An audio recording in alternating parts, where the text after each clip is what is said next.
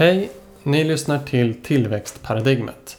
En podd om vårt ekonomiska system, våra globala kriser, om tillväxtens drivkrafter och om omställning till ett verkligt hållbart samhälle. Jag är Hannes Agrius och podden ges ut i samarbete med nätverket Steg 3. Jag gör nu en serie avsnitt om fundamentala ekonomiska begrepp. Där jag förklarar och fördjupar vad de betyder och ifrågasätter flera etablerade föreställningar. Och det här avsnittet är som en fortsättning och en avslutning på förra avsnittet om ekonomiskt värde. Så vi använder här teorierna och den förståelsen från förra avsnittet för att förstå vad vinst är och hur det skapas. Så har du inte lyssnat på avsnittet om ekonomiskt värde skulle jag starkt rekommendera att göra det först. Okej, jag dyker direkt in i ämnet alltså. Nu kommer vi in på begreppet vinst. För en annan fråga som jag menar är väldigt relevant är varför Marx verkar beskriva värde utifrån antagandet att marknaden fungerar perfekt. Alltså att perfekt konkurrens råder så att utbud och efterfrågan balanseras. Marx medger visserligen att det i verkligheten inte alltid ser ut så.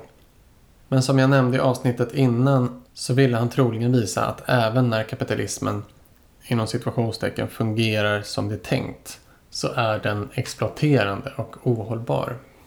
Men då uppstår frågan, om konkurrensen skulle vara perfekt, hur kan vinst överhuvudtaget uppstå? Borde inte konkurrensen pressa ner vinsten till noll? Eftersom konkurrens borde pressa ner alla kostnader till minimum. Då arbetare behöver lön för att överleva och fortsätta arbeta kan den kostnaden inte tas bort. Men vinsten kan väl tas bort? Eller i alla fall pressas till en minimal del för att vinna en konkurrensfördel. Så jag tänker att den frågan har tre potentiella svar. Men först får jag stoppa och förtydliga vad jag menar med vinst. Företag kan ju ha överskott, vilket ibland kallas för vinst. Men det jag menar med vinst här är när en del av överskottet plockas ut ur företaget och går direkt till ägarna. Och jag går snart in lite mer detaljerat på de här olika synerna på vinst. Marx skulle kanske svara att den perfekta balansen mellan utbud och efterfrågan så kallat ekvilibrium, bara finns i teorin. I verkligheten är det alltid några kapitalister som ligger före med till exempel bättre teknik och därför kan ta ut ett högre pris. Kapitalet är också hela tiden rörligt. Det söker sig till nya marknader och flyttar mellan marknader på jakt efter högre vinster. Man kan alltså säga att det tillfälligt är olika kapitalister som har övertag och perfekt konkurrens aldrig uppnås. Precis som i naturen skapas det nischer i ekonomin. Fickor relativt fria från konkurrens. För att olika företag lyckas specialisera sin produktion utifrån sina förutsättningar till att bli så gott som fulländad i det här rådande teknologiska samhällsstadiet man är i. Så även om det teoretiskt sett skulle gå att slå sig in i en sån här ficka eller nisch och pressa ner priset så är det i realiteten kostnadsbarriärer för alla andra konkurrenter. Det krävs helt nya innovationer eller stora investeringar för att bli lika specialiserad som den som är mest specialiserad. Och därför är det oftast mer värt att hitta en ny nisch. Hitta på ett nytt konsumtionsbehov till exempel. Det etablerade företaget har förutom en fulländad teknik och organisation redan skalfördelar och sina försäljningskanaler, fabriker och butiker etc. Och det är alltså inte värt för konkurrenter att bygga upp allt det här parallellt. Utan bättre då att satsa på att sälja en närliggande men ändå annorlunda produkt. Så på det sättet kan vi säga att konkurrensen aldrig kan pressa ner vinsten till noll. På samma sätt är det ju egentligen i naturen. Där alla levande varelser konkurrerar genom att använda den tillgängliga energin så effektivt som möjligt men också behöver ett energiöverskott, en typ av vinst, att investera för att kunna föröka sig och därmed expandera sin arts livsrum. Och resultatet blir ju nischer och mångfald. Och det är ju också tanken att marknadens konkurrens ska leda till. Sen finns det också det som kallas nätverkseffekter i ekonomin som gör att det är logiskt för konsumenter att köpa från företag som redan är etablerat. För att alla andra användare också använder den här varan eller tjänsten. Typexemplet är sociala medier-plattformar där man vill vara på den plattform där alla andra är på. Men också operativsystem som man vill matcha med annan teknik eller matcha med andra prylar. Men samtidigt menade ju Marx att vinst är en naturlig del av kapitalismen. Även då ekvilibrium eller perfekt balans uppstår mellan utbud och efterfrågan. Även om marknaden fungerar idealiskt alltså. Och här tolkar jag det lite som att Marx och nutida nationalekonomer möts. Vinst kan inte i kapitalismen pressas till noll. För då skulle företag inte ha tillgång till kapital. Kapitalet lånas till företagen med vinst som krav kan man säga. För precis som det finns en marknad för varor så finns det en marknad för kapital. På Marx tid var ofta den som styrde fabriken samma person som satt på kapitalet. Nu är ofta kapitalägarna anonyma aktieägare utspridda över världen eller samlade i gigantiska investmentbolag och banker. Men både då och nu så kan man se det som att företaget lånar kapital av ägaren. I företagsekonomi ses ju det kapital som ägaren har investerat som en skuld som ska betalas tillbaka till ägaren med vinst. Ett företag som vill pressa priset på sina varor och vinna konkurrensfördelar kanske väljer då att inte ge någon vinst till ägarna. Men om inte vinst levereras på sikt så kommer ganska snart kapitalägarna inte vilja ha sitt kapital investerat i det, företaget längre. De kommer flytta det någon annanstans. Och utan kapital kan inte företaget investera i produktionshöjande teknik eller expandera genom att anställa fler och få stordriftsfördelar. Så nationalekonomin lär ut att i en idealisk marknad med perfekt konkurrens så pressas vinsten ner till ett minimum. Och detta minimum kan man kalla produktionskostnaden. Men där ingår inte bara löner och kostnader för realkapitalet utan också kostnaden för att inom situationstecken låna kapital av ägarna. Vilket vid perfekt konkurrens kommer ligga strax över marknadsräntan. Eftersom kapitalägare annars hade kunnat spara sina pengar på banken och få ränta. Eller låna ut pengar med ränta. Istället för att investera direkt i företagen. I ett aktieföretag äger kapitalägarna istället andelar med det ansvar och den risk som det innebär. Men det kan på ett sätt ses som att de lånar ut pengar till företaget. Därför kan man alltså inte i dagens ekonomi vinna konkurrensfördelar genom att inte ha någon vinst eller vinstutdelning. I alla fall inte om man behöver mycket kapital där kapitalägarna kräver vinstutdelning. Den fördel det ger att ha mer överskott över till själva företaget väger inte upp för nackdelen att inte ha tillgång till stort kapital. Därför har not for profit-företag en nackdel i konkurrensen med vinstdrivna företag. Och vill vi ha en ekonomi som inte sätter vinst till kapitalägare över andra värden så behöver vi rigga om marknaden. Det behöver bli lättare att få finansiering och lån som not for profit-företag. Tryggare att vara företagare men mindre lönsamt att vara storkapitalägare.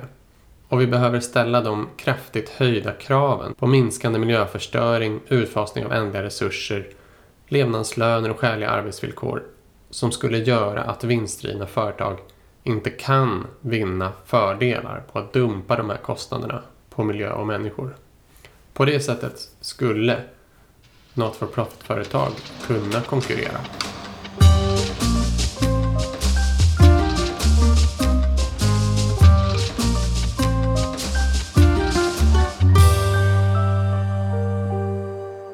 Man kan skilja på producentöverskott och vinst till kapitalägare. Producentöverskott är inom nationalekonomin skillnaden mellan vad varorna säljs för och vad det kostar att producera. Alltså vad producenten får i överskott. Det är alltså vad företaget har kvar efter de icke räntebärande kostnaderna är betalda. Alltså efter löner, insatsvaror och underhåll av maskiner etc. är betalda. Men efter det så vill ju också kapitalägarna ha sin vinst. Inom företagsekonomi och bokföring pratar man då om resultat. Rörelseresultat och nettoresultat. Resultatet är egentligen samma sak som producentöverskott. Det är det överskott som är kvar när kostnaden dras av från intäkter. Rörelseresultatet är överskottet före räntor och skatter är betalda och nettoresultatet är överskottet efter det här är betalt. Alltså den vinst som antingen kan betalas ut till aktieägarna eller återinvesteras i företaget. Det som blir rörigt är ju att ordet vinst används som synonym till både rörelseresultat, nettoresultat, producentöverskott och utdelning. I själva verket så är ju inte vinst för företaget samma sak som vinst för kapitalägaren. De står egentligen i motsättning till varandra. Där företaget har intresse av att pengarna stannar i företaget. Medan kapitalägaren vill plocka ut så mycket som möjligt till sig själv. Utan att göra företaget mindre lönsamt då. Men det är alltså logiskt att företag, för att klara konkurrensen, måste ha ett överskott. För att kunna återinvestera, växa, få stordriftsfördelar och fortsätta vara konkurrenskraftiga. Även den kostnaden att dela ut vinst till kapitalägare måste finnas även i en teoretiskt perfekt konkurrens där priserna pressas. För de företag som vill attrahera stort kapital behöver kunna ge ett minimum av vinst. Det här är särskilt viktigt när allt mer av den privata marknaden ägs inom börsen och styrs av den finansiella marknaden. För ett bolag utan vinst vill ju ingen äga aktien, aktieandelar i. Att leverera ett minimum vinst till aktieägarna blir då som en obligatorisk kostnad för alla bolag som vill finnas på börsen. Alltså alla som vill kunna locka till sig stora mängder kapital, vilket ju är en konkurrensfördel. Medan en egenföretagare eller småföretagare, eller för den delen en storföretagare som själv äger och kontrollerar sitt företag, ofta kan tänka mer långsiktigt och ta in andra värden än att alltid leverera maximal vinst så behöver de börsnoterade bolagen drivas utifrån så kallad shareholder value. Ägarna fastställer en önskvärd vinst och sen ska vdn och hela verksamheten leverera den här vinsten. Så även om bolagen levererar ett litet överskott så kan bolaget bli tvungen att lägga ner för att kapitalägarna då hellre investerar sitt kapital någon annanstans. Det förklarar de lite märkliga nyheterna man ibland hör på radion om varför stora företag som går med miljonvinster ändå lägger ner. Vinstutdelningen blir alltså en kostnad för bolagen. En kostnad som dränerar företagen. Både på resurser, på syfte och på riktning skulle jag säga. För det intressanta här är när vi tänker oss en marknadsekonomi utan vinstsyfte. I avsnitt 28 och 29 i säsong 1 av podden gästades vi av Jennifer Hinton som forskat just på en ekonomi utan vinstsyfte. Hon pratar om vinst som i producentöverskott eller resultat. Företag måste alltså med det synsättet gå med vinst, alltså gå med överskott. I alla fall i längden, annars går de back. Vad de gör med vinsten sen är en annan sak. Ett not for profit-företag får inte dela ut vinsten till ägarna Istället ska den gå till något som förbättrar samhället. Om företagets verksamhet förbättrar samhället kan ju vinsten återinvesteras i företaget för fler produkter eller tjänster. De anställda kan också få bättre villkor eller sänkt arbetstid. Vinsten kan också gå till något välgörande ändamål. Till exempel att stärka den lokala communityn eller miljön. När vinst inte behöver delas ut till ägare behöver företagen inte ackumulera mer och mer vinst. De måste inte öka sin omsättning och sitt överskott för att överleva. De behöver inte växa. De kan använda överskottet till nyinvesteringar och därmed växa. Men de kan också, när de bedömer att de är lagom stora, sluta växa. Eller till och med krympa och fortfarande överleva som företag.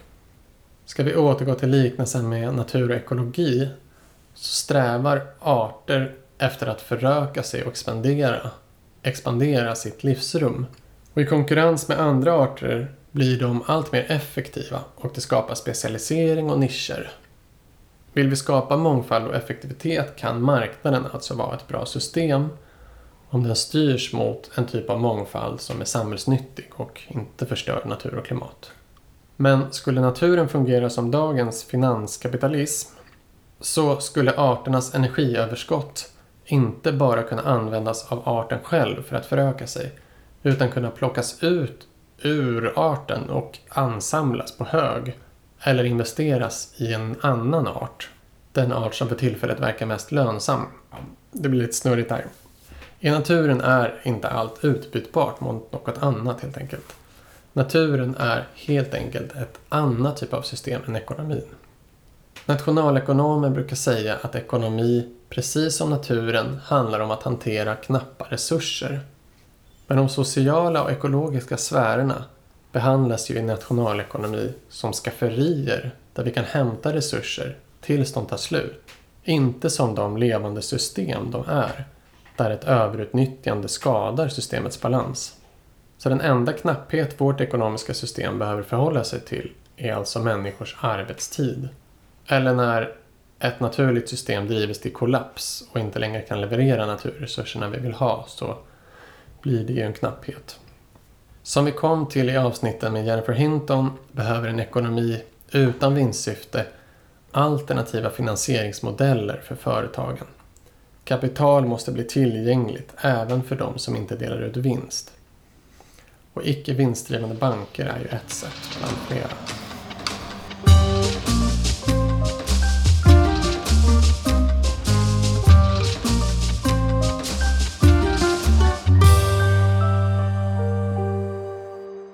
Det är meningsfullt att skilja på dessa olika sorters vinst och skilja på företagens roll och kapitalägarens roll. För den konventionella ekonomiska diskussionen blandar oftast ihop allt det här. När vinstsyftet ifrågasätts protesterar många med att företag ju måste ha överskott för att kunna överleva. Men detta är ju egentligen ingen som ifrågasätter. Att gynna företag likställs ofta med att gynna ägarna av företagen. Men det är ju olika saker. Vi har nu pratat om hur överskott uppstår. Om att det är arbetare som skapar mervärdet så att överskott kan uppstå. Om att arbetarna samtidigt är beroende av en offentlig ekonomi med allmän sjukvård, barnomsorg och en social ekonomi med hemarbete, en allmän tillit i samhället med mera.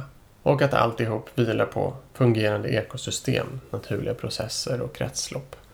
När vi nu vet hur överskott och vinst skapas och därmed möjliggör ekonomisk tillväxt, då är nästa fråga vad ska överskottet egentligen användas till? Är det försvarbart att de som ackumulerat finansiellt kapital ska kunna tillskanska sig ännu mer överskott? Kan vi i många fall sluta eftersträva så mycket överskott som möjligt och istället eftersträva balans mellan intäkter och utgifter i företagen? Som jag och Jennifer Hinton pratade om uppstår ju ofta vinsten och överskottet på grund av att arbetsvillkor, löner hålls nere eller miljön exploateras. Om arbetare själva äger ett företag kan de ju istället för att dela på vinsten också förbättra sina löner och villkor och strunta i att ta ut vinst. Istället för att vinsten ska gå till att förbättra miljön kan företaget ställa större miljökrav i sin produktion och sina inköp, vilket ju kanske kostar.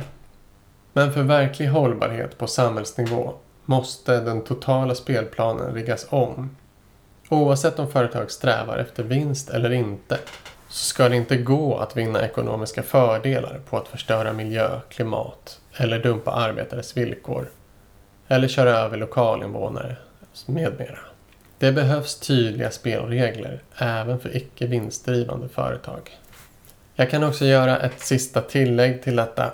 Vi återgår igen till Marx. Det är det som han kallade profitkvotens fallande tendens. Och vi ska inte fördjupa oss i det begreppet så mycket. Jag bara förklarar det i stora drag för att det är också relevant för dagens ekonomi. Marx menade att den totala vinsten i samhället som i kapitalägarnas vinst inte behövde minska på grund av konkurrensen. Men att konkurrensen gör så att mer och mer kapital mer och mer realkapital, alltså fast kapital i form av maskiner och fabriker, behövs för att öka produktiviteten. Kostnaden för fast kapital ökar alltså hela tiden i förhållande till kostnaden för arbete. Eftersom maskiner inte kan exploateras, de kan inte pressas att jobba snabbare. Deras kostnad är den som den är. Till skillnad från löner som kan dumpas och arbetsvillkor. Maskiner kan alltså inte skapa mervärde enligt Marx. Eftersom det är så, så innebär det att kapitalisterna får ut mindre profit i förhållande till vad de måste investera. De kan fortfarande få ut samma eller ökad total vinst. Men eftersom de för att klara konkurrensen måste investera mer och mer i ett växande realkapital. Tänk större och mer och mer avancerade fabriker. Så blir vinsten mindre i förhållande till investeringskostnaden. Och det är det här som Marx kallar lagen om profitkvotens fallande tendens. Och det är något vi kan se i verkligheten, där bolag tvingas göra större och större investeringar, ha ett större och större realkapital för att klara konkurrensen. Och de bolag som har störst vinster idag har färre och färre anställda i förhållande till sin storlek, men där de investerat väldigt mycket i teknik. Marx förutsåg att profitkvotens fallande tendens skulle göra att kapitalisterna hela tiden måste öka exploateringen av arbetarna för att behålla samma vinster. I västliga länder under 1900-talet och speciellt efterkrigstiden såg vi istället minskad exploatering med kortare arbetsdagar, mer ledig tid, bättre arbetsförhållanden och bättre löner. Och detsamma hände till, sen till viss del i stora delar av Asien och på andra håll i världen. Det som Marx missar lite är att det inte bara är bolagens egna arbetare som genererar mervärde utan maskinerna i sig möjliggör mervärde genom att företag i rika länder köper in råvaror och energi som utvunnits av lågbetalda arbetare i andra länder där mark har ett lägre pris och miljön sämre skydd för att mata sina maskiner med. Så det är ett sätt att få ut mervärde från arbetare på andra sidan jorden och kunna göra högre vinst. Den begränsande faktorn, taket för resursuttag från naturen, förflyttas då också och expanderar till hela planeten. På ett sätt ökar alltså exploateringen precis som Marx förutsåg. Dels för att världens befolkning ökar och då också antalet relativt fattiga i världen som kan exploateras hårdast. Lyssna gärna till avsnitt 14 förra säsongen Is poverty actually decreasing? Supersnabb sammanfattning av det avsnittet. De som räknas som extremt fattiga i världen med den galet låga gränsen för extrem fattigdom har blivit färre i världen. Åtminstone innan den senaste ekonomiska nedgången under pandemin. Medan de som också är väldigt fattiga men inte räknas som extremt fattiga med det här, med det här måttet blir fler till antalet i och med världens befolkningsökning. Exploateringen av miljön ökar ju också gradvis och vad som ingår i den kapitalistiska produktionssfären och därför kan exploateras expanderar också. Som jag pratade om i förra avsnittet hemarbete, välfärdstjänster och mycket annan tidigare statlig samhällsservice samt personlig data och våra egna intima berättelser om vårt liv har alla på senare tid blivit föremål för exploatering och möjlighet att göra profit på. Så på vissa sätt kanske man kan säga att exploateringen ökar i och med profitkvotens fallande tendens. Som vi pratade om i förra avsnittet om marknader är det också de bolag som tagit över marknader och brutit sönder konkurrensen som kunnat öka sina vinster mest. Det kan ju delvis ske genom, som vi har sagt, ta över och äga infrastrukturer. Inom techsektorn till exempel, bolag som äger de digitala plattformarna som alla behöver för att kommunicera och handla på. Handla på. Vi har i detta avsnitt pratat om vad ekonomiskt värde är, hur det skiljer sig från andra typer av värde, hur ekonomiskt värde uppstår, hur det skiljer sig från pris. Vi har också pratat om vinst, att det är skillnad på vinstuttag och överskott, hur vinst möjliggörs både av nischer och störningar i konkurrensen samt hur vinst även möjliggörs i ett tillstånd av perfekt konkurrens så länge kapitalmarknaden har vinst som syfte. Av det här kan vi dra slutsatser att samhällsekonomin skulle kunna organiseras på väldigt annorlunda sätt. Vi kan bejaka andra värden som inte är ekonomiska eller monetära. Vi kan sluta oss till att offentligt finansierad välfärd och allmännyttor både understödjer ekonomin och möjliggör värdeskapande men också bidrar med andra värden än de monetära och ekonomiska. Vi kan, om vi går med på en form av arbetsvärdelära, konstatera att värde skapas av arbete i och med produktionen och inte i cirkulationssfären där saker köps och säljs och inte i och med investeringarna. Det gör ett, att vi kan se på vinstmaximerande kapitalägare som en grupp som egentligen inte behövs för att en marknadsekonomi ska fungera. Givet att vi har andra aktörer som investerar. Två, att vi kan se att allt kapital och all tillväxt en gång har skapats av arbetare. 3. att vi kanske borde se över de globala värdekedjorna där värde ofta skapas i globala syd, där också naturresurserna hämtas. Eller i periferier även i de rikare länderna. Men där kapitalägare, oftast från de rikare länderna och storstäderna, har makten över både produktionskapitalet men framförallt makten över cirkulationssfären så att värdet extraheras från arbetarna i periferin eller globala syd. Vi kan se naturen, biosfären, atmosfären etc. som system som bär upp det sociala, som bär upp den reella ekonomin. Men att naturen inte kostar något till skillnad från arbete och därför inte kan inkluderas i ekonomin. Inte på ett rättvisande sätt i alla fall. Men att vi däremot måste forma vår ekonomis spelregler utifrån de biofysiska gränserna och med hänsyn till naturens balans. Det var allt för den här gången. Vi får se vad temat exakt blir för nästa avsnitt. Jag tror att en logisk fortsättning är att prata om vad tillväxt är och där också ta upp begreppet effektivitet. Vi har ju kommit in på dem båda förstås. Men det är värt att fördjupa sig i för att förstå vad det egentligen är som händer när vi eftersträvar effektivitet och tillväxt och vad vi menar. Men håll utkik efter nästa avsnitt genom att till exempel prenumerera på podden i en poddplattform. Tillväxtparadigmet ska ju finnas i alla de stora poddplattformarna. Upptäcker du att den inte gör det får du gärna mejla mig på tillväxtparadigmet gmail.com och där får du också gärna ställa frågor och komma med tips eller om du vill komma i kontakt med mig för att jag ska hålla en föreläsning eller något annat samarbete. Jag påminner också som vanligt om att följa tillväxtparadigmet på Instagram, på Facebook och kolla hemsidan tillväxtparadigmet.se. Och gå gärna med i Facebookgruppen En hållbar ekonomi för välbefinnande. Och stötta gärna projektet med en slant i månaden om du vill på patreon.com där du söker på tillväxtparadigmet.